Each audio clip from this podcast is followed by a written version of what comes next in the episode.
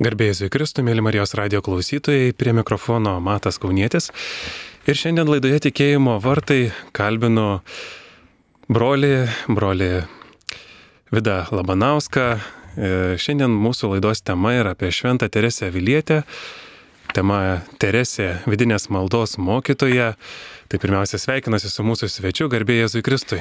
Per amžius amen. Taip pat sveikinu visus jūs ir taip pat visus Marijos radio klausytojus. Malonu pas jūs šią studiją būti. Malonu. E, Šventoji Teresė Vilietė, minima spalio 15 dieną, 16 e, amžiaus šventoji.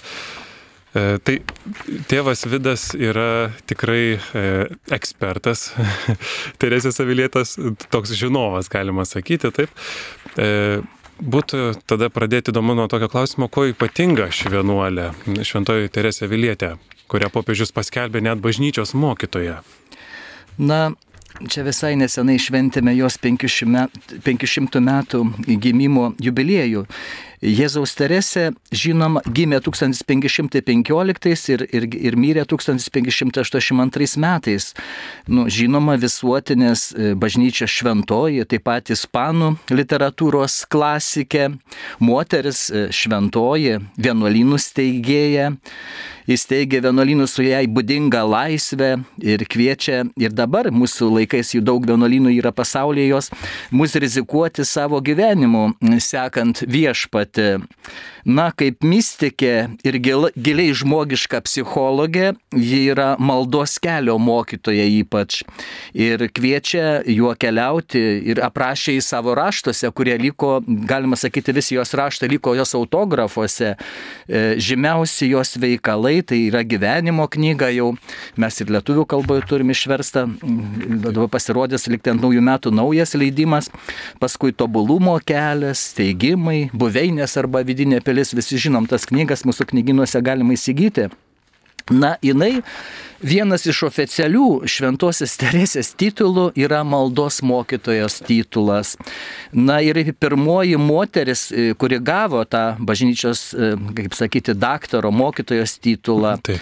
Na ir maldos mokymas e, buvo tik vienas iš daugelio jos darbų, tik vienas iš daugelio darbų atliktų bažnyčios labui.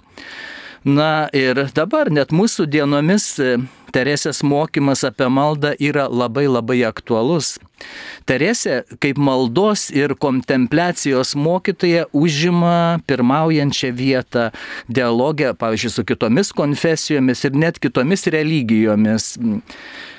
E, serafiškosios mūsų daktarės mokymas tinka ir paprastam, eiliniam tikinčiajam ir net aukšto lygio teologui. Na ir šventoji Šarilas mokime svarbiausia, ką galim rasti, tokius du pagrindinius dalykus, kurie, na, yra būtini autentiškam mokymui. Tai pirmas dalykas, ji viską daro pati meldžiasi, pati klasifikuoja, skirsto tą savo mokymo medžiagą, tiesiog padalina savo maldos patirtį nuo nu, paprasčiausių, nuolankiausių formų iki pat aukščiausių maldos formų.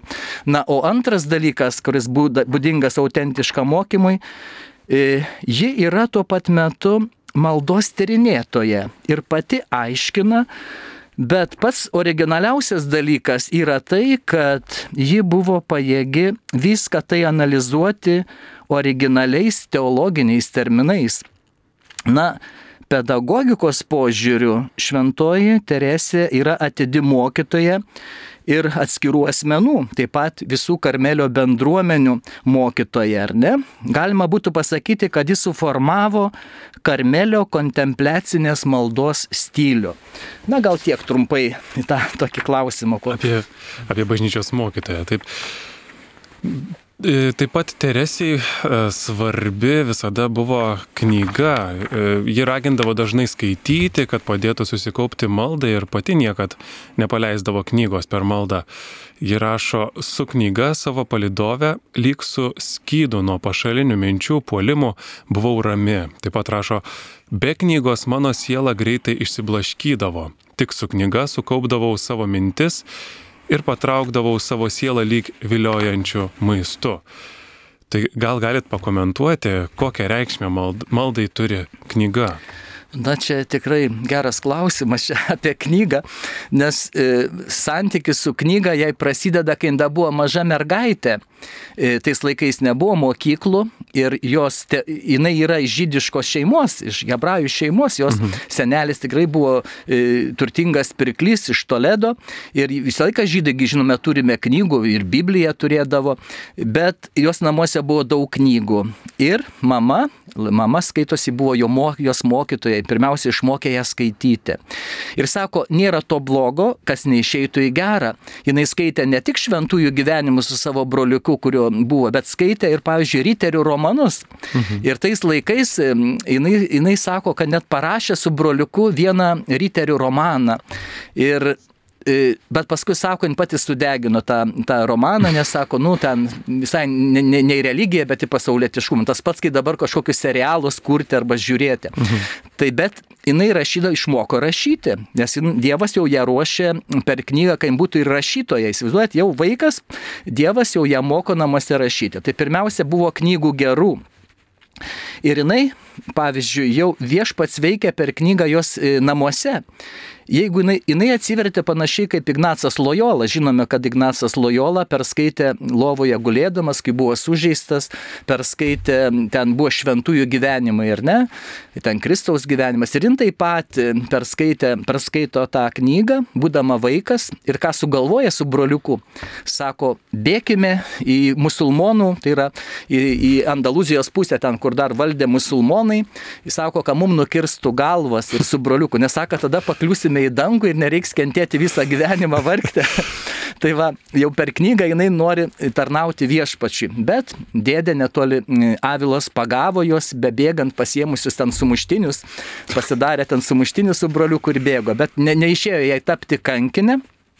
Tai prisiskaičiusi apie vienuolynus, apie atsiskyrėlių namus, jinai su broliuku žaisdavo ir kieme, dabar Avilai ten yra tas jos kiemas, ten, kur jin gyveno, e, žaidimo toks kiemelis ir ten jinai kurdavo tuos vienuolynus ir žaisdavo tuos atsiskyrėlius eremitus. Tai vadinasi, jau per knygą šventoji dvasia veikia jos gyvenime. Na, o kaip sakot, kodėl jinai mėgdavo knygą?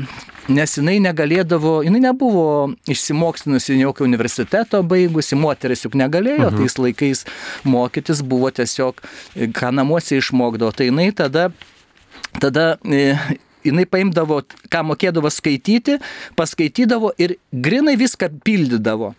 Ir pagrindinė knyga, kuri ją atvėrė vidinę maldą, buvo vieno pranciškono, e, jo vardas buvo Francisko de Osuna, jis parašė tokias knygas, net šešias tais laikais, e, kaip ten vadinasi, abecelė. Tai buvo pirmoji abecelė, dvasingumo antroji, trečioji. Tai ta trečioji abecelė. Ir ten buvo parašyta apie susikaupimo maldą. Ir Teresė, kai neturi jokių teologinių mokslų, bet jinai pagauna gerą knygą, jeigu pajaučia, kad jai maldai tai padeda ir jinai ją vykdo. Ir todėl tą knygą, sako, daugiau nebesiskirdavau su tą knygą, nes jin man padėdavo susikaupti. Ir ta knyga, galima tapo e, to pranciškonų, ta trečioji becelė tapo pagrindinė knyga, kuria jinai įeina į vidinę maldą ir tampa tą, galima sakyti, vidinės maldos mokytoja. Bet jin pralenkė tą pranciškoną, jin išvysto dar labiau tą knygą. Toliau e, sako, e, knyga reikalinga, patarėse sako, tik pradinėme etape, nes ne visi galime mes, na, mąstyti, kažką išmastyti gražių situacijų, mhm. bet pir, pirminė knyga tai buvo šventasis raštas, sako, man visada padėdavo šventasis raštas įsivaizduoti kažkokią situaciją paskaičius ir įeiti. Ir, ir tai buvo naudojama daugelį metų, ta meditacija per knygą, nes jim padeda tiesiog susikaupti, įeiti į maldą.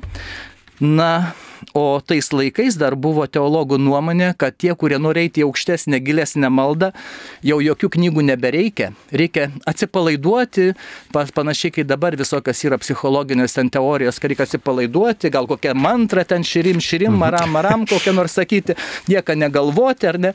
Tai jinai pasipriešino tam, nes pasakė, jinai sako, jai, nu, paskui jau, kai jinai mistika įėjo, tai pats Jėzusai tiesiog kalbėdavo tiesiai į širdį, sako, svarbiausia yra Kristaus žmogystė. Net jeigu tu būtum aukščiausiose e, vidinės maldos formose, visada pravartu mąstyti apie Kristų, e, kaip jis gyveno, kaip jis veikia, nes tai yra pati pagrindinė maldos forma. Na, o iš tikrųjų, tai knygas jin labai mėgo ir jinai skaitė ne latiniškai, jinai nemokėjo latinų kalbos, mhm. bet jin skaitė e, romanso kalbą, tai yra ispanų ta to laikinė Kastilijos kalba. Ir kai inkvizicija paskelbė visų knygų e, sunaikinimą arba uždarimą, tai pasakė, Jėzau, dabar tu busi mano knyga. Bet iki to momento jin turėjo, jinai sakė taip, sako, aš negal, būdavau rami, jeigu neturėdavau geros dvasinės knygos. Visą laiką kažkokią knygą jinai skaitydavo, bet skaitydavo praktiškas e, knygas ir dažniausiai, atsakau, to pranciškonų arba kitų ten dvasininkų, to 16 e, amžiaus Ispa, Ispanijos, taip pat ten to kito Jono iš Avilos, ten bažnyčios irgi mokytojo, ten kūrinius. Vis, na, Tai galima sakyti, kad knyga turi reikšmę, bet iki tam tikros vietos. Ir jokia knyga negali atstoti šventojo rašto. Tai tie gal. Mhm. O kaip galvojat šiandien, ar tai yra aktualu? Ar e, būtų įmanoma Galbūt šiandien reikėtų žiūrėti kokius filmus ar serialus, bandyti įsijausti apie tikėjimą, apie dorybingą e, gyvenimą Taip. kažkokį. Kaip Taip, galvojat? Labai teisingas pastebėjimas. Mm, dabar jaunimas ir ypač mokyklose, jeigu kiek pastebėjom, jie mėgsta viską internetiniai erdvėjai gyvena, kaip sakyti, ir, ir knygų labai, bet, nu, reikėtų ne, neatsisakyti knygos, bet filmai tai būtų labai gerai tų dvasinių filmų nėra tiek daug. Tikrai, kad būtų kuriejai, kurie gal čia paremtų ir kad būtų tie dvasiniai filmai. Nes yra daug žmonių, kurie atsiverčia ar per knygą, ar per gerą filmą, tiesiog viešpats ateina į jų širdį. Mhm. Manau, kad jūs labai gerai pasakėt, kad filmai per, per internetą na, dabar labai, labai gerai irgi evangelizuoti, tiesiog pakviesti, nes jau jaunąją kartą mes labiau galim pasiekti dabar per internetą negu knygą siūlydami, nes Na, bet aš manau, bet kaip man kaip senesnės kartų žmogui, man maloniau rankui turėti knygą negu vien iš interneto, nes internete gali pasikeisti ar kas, ar ten išbraukti, neberasti. Mhm. Tai... O dar vis tiek apie avilietės vidinės maldos tokią vat patirtį. Mhm. Kalbame, e, Susikaupti jai padėdavo ir žvelgimas į gamtą, mes kartais supriešiname maldą gamtoje su malda bažnyčioje. Sako, ten mhm. einam apsikabinti medį ir mhm. katalikai jau, jau labai priešinasi, kam čia tos medžius reikia apsikabinti, mhm. reikia melsis priešai švenčiausiai, žinot. O Teresė atrodo kažką toj gamtoje vis dėlto išvelgia. Kaip Jūs manote? Ar kaip Teresė mane? Taip, Teresė, jinai augo gamtoje. Jeigu Jūs kada nuvažiuotumėte į, į Ispaniją, ar ne, ten, kad ir tas Avilos miestas, miestas, jisai, nu, tiesiog tokioje gražioje gamtoje, aplinkui kalnai, kalneliai, ar ne, seniau buvo labiau žalumos, bet to jie turėjo šalia miesto, ten už 20-18 km turėjo Gotarendūrą, toks kaimas, kur jos močiutei priklausė. Ir dabar ten yra tas jos namas, ta balandinė išlikusi.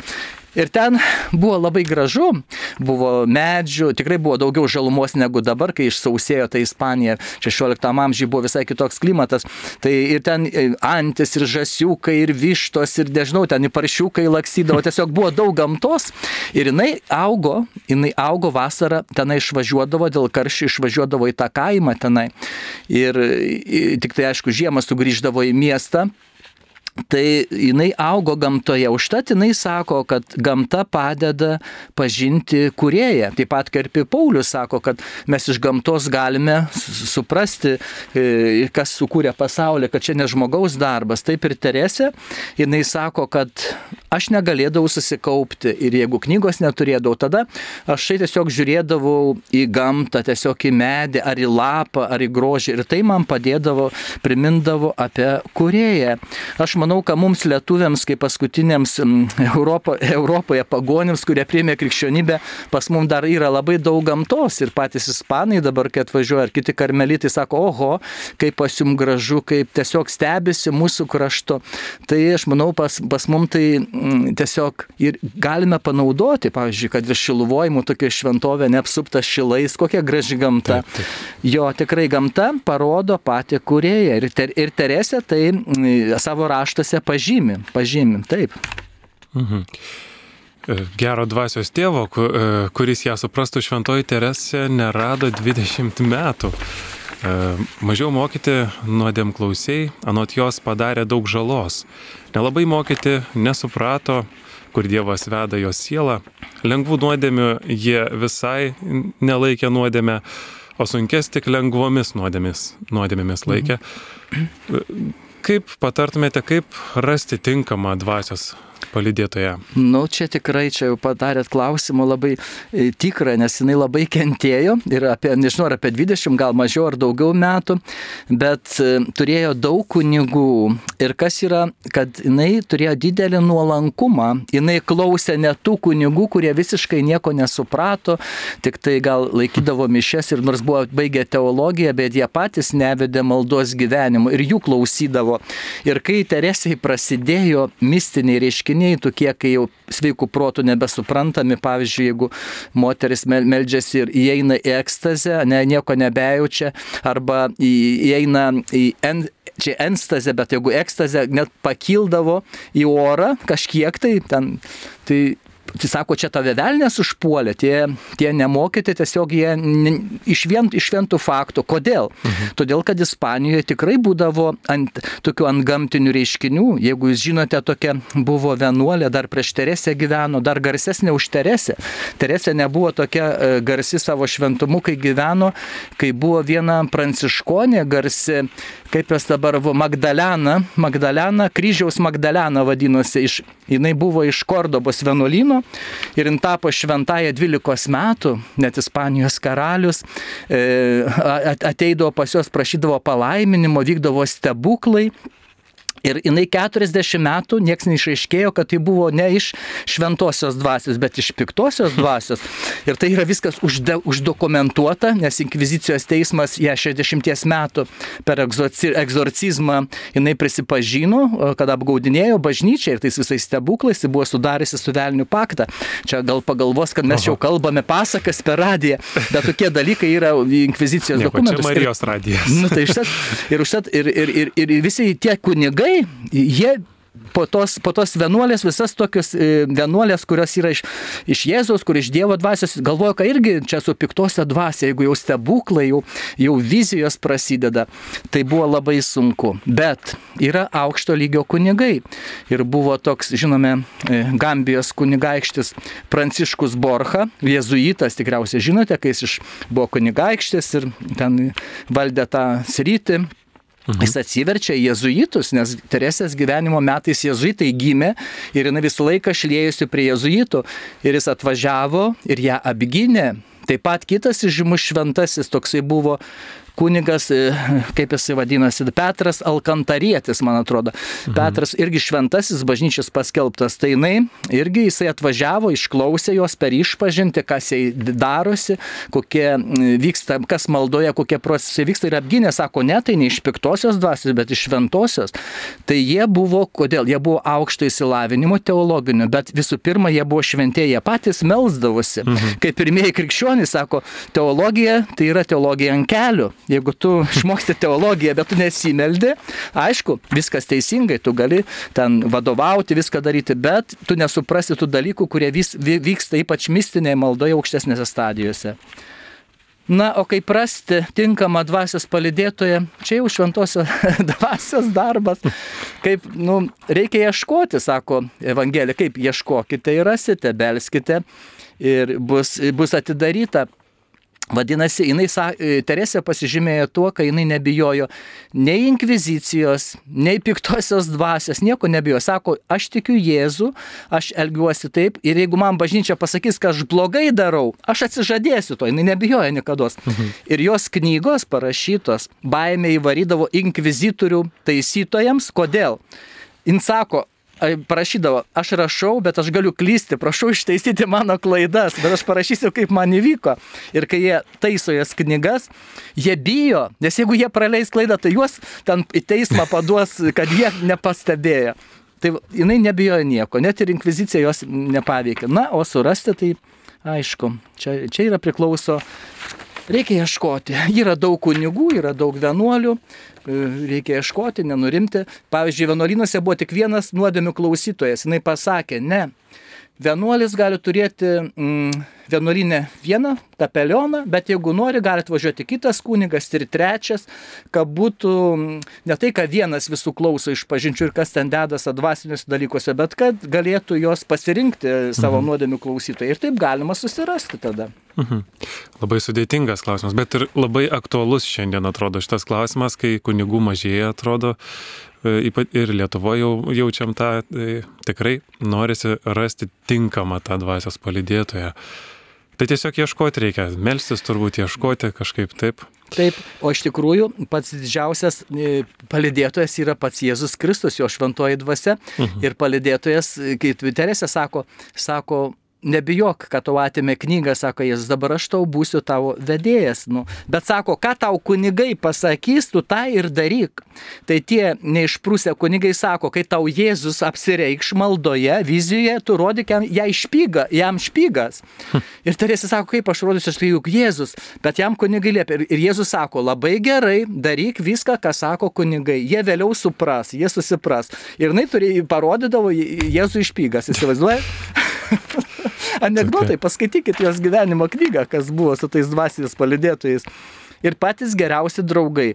Kol nebuvo tenai mistinių reiškinių, kol nebuvo jos atsivertimo, nes tie mistiniai reiškiniai prasideda po jos atsivertimo, kai jinai tenai būna mirusi keturias dienas, jau nori ją palaidoti, paskui jinai atsigauna, lyga ir jinai pradeda melstis tą vidinę maldą. Ir tada mhm. prasideda tiesiog dovanos tos mistinės. Na va, taip, tai, tokie. Tai dalykai. vadinasi, Dievas gerbė vis tiek, kad ir ar mes susirasime tą dvasios palidėtoją geresnį, prastesnį, kokį, kokį be susirasime, Dievas žiūri, ar mes tikrai jo klausome, ar mes esam klusnus. Taip šventoji Teresė, nu nėra kaip jezuitai, neišvystė dvasių skirimo kursą, bet jinai išvystė irgi tokie dvasių atskirimo e, tas dovanas, kaip atpažinti. Pirmiausia, sako, yra šventas raštas, jeigu, jeigu tavo patirtis eina prie šventą raštą, jau viskas, tai ne iš Dievo, ar ne, tau tu maldoje eini. Toliau, jeigu tau vienas kuningas arba kitas sako, tu turi klausyti, nes bažnyčias yra paklusnumas, nuolankumas, jin visada klausė nuodėm klausių, nors ir neteisingai sakydavo, bet Bet jeigu paklusnumu paklusdavo, Dievas išvesdavo ją aukštesnį lygį ir tie kunigai paskiau jie atsiversdavo ir suprasdavo, kad jie klydo ir, ir toliau tada Dievas visada išveda. Mhm. Mhm. Teresė labai rimtai žiūrėjo į nuodėmės progų vengimą ir į blogų draugysčių vengimą. E, kokią reikšmę dvasiniam gyvenimui turi draugai? Ar čia reikėtų atsižadėti nu, jau čia visų? Labai ar... gerai, geras klausimas. Tai gyvenimo knygoje apie tai kalba. E, jos gyvenimo knyga panaši kaip, kaip iš šventajame rašte. Iš pradžių yra rojus, žmogus gyvena rojuje vaikystėje, ne, viskas yra gražu. Bet kai ateina paauglystė, ar ne, ir tada prasideda va tos draugystės juos namuose negalėjo svetimi įeiti, ateidavo tik tai, nes turėjo daug pusbrolių, pusėserių, galėjo tik giminaičiai įeiti. Bet tie giminaičiai, jaunos panelės ar tie jaukin, jauni vaikinai, jie nebuvo tokie religingi gal kaip jos tėvas ir jos šeima ir jie įnešė visokio, sako, aš pradėjau puoštis, pradėjau gražiai renktis, pradėjau kvipintis, ten labai gražiai atrodyti, nu ir, ir kitokių dalykų, ką paauglystėje kas prasideda. Bet, sako, aš niekada neįkritau į didžiasias nuodėmės, nei vieną, dėl ko? Ne dėl Dievo, bet dėl bajoriškos garbės, nes seniau buvo merginos garbė aukščiau už viską. Tai paskui jin vadina jodoji ta garbė, sako, aš nekritau jokią nuodėmę, bet, sako, jau vaikščiau. Ir be to neturėjo mamos, mama jos mirė, kai turėjo 12 metų. Ir tada tėvas liko ir pamatė, kad jau gali su dukra kažkas būti, nes jau čia mes, mesgasi romanai, tai su ryteriais, tai dar tos draugės kažko tai tokio. Ir ją tada taip gražioj formui atiduoda į mokyklą, į vienuolino mokyklą. Ir, nu, jin pati aprašo, paskaitykit gyvenimo knygoje, čia pirmas, antras antras, trečias skyrius, kaip tai buvo. Ir sako, Kaip blogai, kai tie tėvai kurie nežiūri, su kuo draugauja jų vaikai. Sako, ir sako, aš persigėriau, sako, tokiais dalykais, kurie man visiškai atitraukė nuo Dievo kelio. Sako, nuo Dievo kelio. Ir jeigu ne Dievo malonė, sako, sako aš galbūt jau net ir nuėjus visai kitų kelių. Bet jinai tai aprašo, kai yra tapusi šventąją, vos jau vos negyva, jinai buvo jau pripažinta kaip šventoji, kūrusi daug vienuolynų, rašo prieš pat mirti savo gyvenime, kad e, labai priklauso aplinka, draugai. Ir sako, tėvai, žiūrėkite, su kuo draugauja. Sako, jeigu tu susidedi su gerais draugais, veda. Ir todėl jinai mhm. kūrė, pavyzdžiui, maldos grupės Sako, pas priešą, pas piktąją dvasę, kiek yra maldos draugų, sako, jie ten turi savo grupės. O mes, sako, krikščionis turime kurti mažus vienuolynus, kur, sako, vienas kitą gintume, melstumėmės ir kovotumėm už Jėzaus karalystę. Nu, jin tai pasakė. Ir tai labai yra labai svarbu. Mhm. Ar e, šiandien vis tiek atrodo aktualu, nes visuomenė gan yra nuklydusi daugelį moralinių klausimų nuo kelio Ar e, Teresė turėjo kokių blogų draugų, ar jų atsižadėti skatino, ar, ar bandyti kažkaip su jais bendrauti ir kažkaip tai vienas jinai, bendra, jinai bendraudavo su visais draugais ir, ir, ir nusidėlis, ir nenusidėlis. Ir jinai bendraudavo nuo žemiausių sluoksnių, kokių valstiečių, kurie ten visokių, ir iki pat aukščiausių karališko lygio aristokratijos, visi jau ją pažinojo. Jinai neatstumė ne vieno, ir, bet jinai pati, sakau, nu, apsaugota buvo, nu, nebuvo kaip švenčioji mergelė Marija, bet mhm. jinai tokią Dievo malonę turėjo, kad neįkrito į didžiąją nuodėmę, įsivaizduokit šiais laikais. Bet jinai bendravo, jinai sakė taip, jinai sutrynė teologų tiesą, kad nusidėjai pas nusidėjėlį, kuris yra nuodėmės būsenui, kad negali veikti mistika. Jisai sako, jinai sako, Dievas gali tą žmogų, kuris yra nuodėmiai, pakelti, prikelti ir nesuteikti kažkokią mistinę malonę, kad ištrauktų iš, tos, iš to piktojo, galima sakyti, iš to piktojo įtako zonos, o ne kad ištrauktų į gyvybės zoną, iš to mirties zombio tos aplinkos į gyvybės mhm. zoną. Ir sako, tai gali įvykti mistinių, mistinių dalykų. Ir tai gina savo raštuose, nes sako, jeigu tu nuodėmingas, jau Dievo malonė tavęs nepasiekia. Sako, ne, pasiekia, kad ištrauktų tave. Ir dar sakė, jeigu tu nusikaltęs nuodėmė, esi nuodėmiai, melskis. Mes mums sako, didžiausia velnio apgaulė, tu esi dabar nuodėmingas, tu iš pažinties neprieėjai, tu ten nežinai, aišku, kada prieisi, kada atsiversi, čia velnio apgaulė.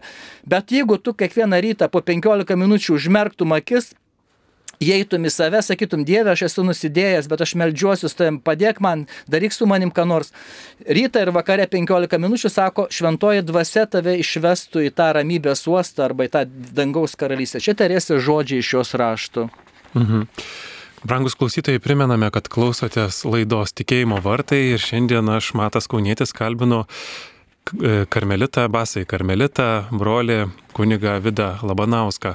Kalbame apie Šventąją Teresę Vilietę ir būtent kokia yra vidinės maldos mokytoja Teresė Vilietė. Tai kadangi apie vidinę maldą, gal tada pereikime prie tokio konkretesnio klausimo būtent apie tai. Teresė yra visų pirma vidinės maldos mokytoja, tai kuo skiriasi įprastos žodinės maldos nuo vidinės maldos? Va čia geras klausimas. Trumpai pasakysiu, Teresė sakė, kad žodinė malda jau turi tapti vidinė malda. Jeigu žodinė malda nėra vidinė malda, tai tu kaip automatas kalbė, panašiai kaip e, sveika Marija, pasislink Marija, pasislink Marija, taip greit kalbėtum, bet nes žodinė malda jau turi būti vidinė malda. Tai vadinasi, ką tu sakai, turi būti tavo širdyje, bet vidinė malda yra, kai tu meldiesi, meldiesi ir ta vidinė malda, tie žodžiai pereina į tokį vidinę tylą, jau jie patys tavyje skamba, jie vystosi, bet jau tu esi tyloje ir pat, jau pats tavo kūnas, tiesiog pastovios maldos dovana, ar ne? Vidinė malda yra susikaupimas, tai yra atitrūkti, nutilti, užsimerkti, įeiti į save ir ten būti su Dievu meilės, meilės dvasioje, žinoti, kad jis tave myli, jeigu jo nebūtų, tu mirtum, tu negyventum tuo momentu. Tai va ta vidinė malda. Bet žodinė malda buvo vienuolė, kuri pasiekė aukščiausią kontempliacijos lygį, sakinant tėvę mūsų maldą, tai yra žodinė malda žodį, tėvę mūsų. Ir jinai medituodavo, įeidavo į ekstazę, vien pagalvojęs, kad jis yra Dievas yra tėvas. Toliau kitą sakinį pasako LVR. Tai yra žodinė malda ir vidinė malda yra susijusi. Bet vidinė malda tai yra ta malda, kur melžiamasi be žodžių daugiau protų galima melstis, bet galima ir širdimi melstis. Nu, bet čia reikėtų labai ilgai kalbėti, per minutę jau nebe neiškalbėsim. Mhm. Čia turbūt ne tiek kalbėti, kiek praktikos reikėtų kažkokios, tai ir bandyti pačiam melstis. Taip, tokia, tokia. jo, buvo tokia viena vokietė Ispanijoje vienuolino, į televiziją atėjo panašiai, taip klausė, galėtume pasakyti, kas yra malda. Čia televizijoje kameros režisierius sėdė tą vienuolino Barcelonos priorę, Kristina Kaufman, Kaufman sako, taip, galiu paaiškinti, pasimelsim dabar. Ir pradėjo į eterį melstis, įsivaizduokit. Viešpatė, sustabdyk tuos karus, kur dabar vyksta, sustabdyk tą kraujo lymą Jeruzalė, ten, nu, jeigu taip sakytų, aš dabar dabartinė situacija. Ir pradėjo melstis į eterį, viešpatė, padėk Mariją, užtark. Ten tie visi buvo šokę ir jie suprato, kas yra malda. Mhm, mhm. Tai dar gal kaip vidinė malda susijusi su nuolatinė malda? Taip, labai geras klausimas, kaip jau sakiau, malda prasideda žodinė malda ir paskui pereina ta žodinė malda į širdinę maldą, -huh. kai jau nebereikia tų žodžių, tiesiog iš meilės būti su to žodžiu ar su ta strėlė maldos. Ir tada ta nulatinė malda, jeigu tu kasdien turi rytą ir vakarą po vieną valandą tyliosios maldos vidinės, jin gali tarpti nulatinę. Tu atsikeliai į darbą, kalbėsi, vaikštai, bet tu vaikštai maldoje. Ir, va, ir net gali kalbėti, dirbti, bet jau čia būtų jau septinta buveinė, kaip Teresė sako, visur buvo pastoviai maldoj, kur tik eidavo. Tai reikėtų kažkaip bandyti ryte įeiti į tą maldą. Taip, tada... ryte atsikeli, sako, sunku pasimelsti, persižegnuoji, sakai viešpatė, visą dieną skiriu tau, kai apie tave galvosi, kai tik pagalvosi, bus mano vidinė malda. Ar nors penkias minutės ryte, dešimt, tegu pabūti su Dievu, tiesiog užmerti akis, padėkoti, palaiminti save. Net kiti sako, neturiu laiko. Nu tai dar gulėdamas lovai pradėk melstis, kad tu turėtum laiko, nes paskui reikia bėgti darbą, bėgti į autobusą, į mašiną, ten kažkaip tai ir vakare vėl tas pats. Nu, tiesiog malda, nuo vienos maldos iki kitos maldos, bet malda būtina, nes per ją ateina visos malonės. Taip pat Teresė Vilietė turėjo nemažai tokių mistinių patirčių. Ir Dievas davė apsilankyti net pragare, ten daugiausia matė tokių sielų, kurios netiki pragaro egzistavimu. Bet kunigai atrodo šiais laikais nebešneka apie pragarą, tarsi tai nepriimtina ar kažkaip Taip. bijo gazdinti. Labai galbūt. geras klausimas, teisingai. E, iš tikrųjų, niekas nepradingo, tik tai dabar, nu, taip nebekalba, kai XIX amžiuje, kai visus gazdino ten tuo pragaru. Pragaras egzistuoja, Pranciškos paklausykite, e, gaudėte, eksultate, jo ten laišką ar ką kitą. Mhm. Egzistuoja blogis, velnės, pragaras egzistuoja. Nu, nepopuliaru, niekas nebeteisi bažnyčią, dabar žmonės, žinai, kaip yra, gal kunigai bijo pasakyti, bet reikia pasakyti, meilė tai kaip meilė, bet tu gal paskutiniu momentu nespėsi pasakyti viešpatę, pasigailėk manęs, tai negali atidėti atsivertimo arba išpažinties paskutiniai minutė, ar ne? Ir pragaras tai yra, kur dievo, dievo nebuvimas. Tai, tai kur nėra Dievo, ten pragaras. Ir pasižiūrėkim, kas dabar pasaulyje dedasi, ar ne karai, atrodo, ir kalbėk, nekalbėk apie tai, kad nėra Dievo ir žudo žmonės vieni kitus, ar ne? Taip, taip. Čia kaip mūsų šios sekmadienio evangelija, kad galiausiai, kad nepasijustume, kad esame neapsirengę, nors ir su visais ten pat esame, danguje ar toj puotoje, bet galiausiai bičiulė, tu neturi drabužio, nesiuošiai šitai šventijai vis dėlto. Tai e, kadangi mūsų laikas jau eina ir į pabaigą, dar paprašysiu, gal pabaigai turite kokį palinkėjimą ar pasidalinimą. Ačiū labai už galimybę pakalbėti Marijos radijoje ir noriu pakviesti vakar mūsų generolas iš Romos, e, Mar, e, Miguel Markės Kai atsiuntė laišką ir Jeruzalės patriarchas, visas Karmelio šeima ir visas bažnyčias, kurie gali jungtis rytoj, ypač antradienį. Romėnų dievo, karo dievo antradienis buvo Mar Martės, ne tas dievas, kad mes melstis už taiką. Tai rytoj mes visi karmelitų šeima pasnikaujam, melžiamės už tai, kaip ypač šventoji žemė, nes čia ir Jeruzalės patriarchas mūsų prašo ir kviečiam visus Lietuvoje melstis, pasnikauti rytoj. Ir mums karmelitų bažnyčiai po mišių yra taikos maldos grupė, kur jau mes jau melžiamės pusę metų antradieniais už taiką. Tai kviečiam į adoraciją po mišių ir, ir, ir maldą už taiką. Tai tiek. Labai Jums dėkoju, kad pakvietėt ir Dievo palaimą te būna su visais. Tai ačiū Jums, mėly klausytojai, girdėjote laidą Tikėjimo vartai. Šiandien su manimi, Mato Kauniečiu, kartu buvo Basasis karmelitas, brolis kunigas Vidas Labanauskas ir kalbėjomės apie Šventąją Teresę Vilietę, kokia jinai yra vidinės maldos mokytoja.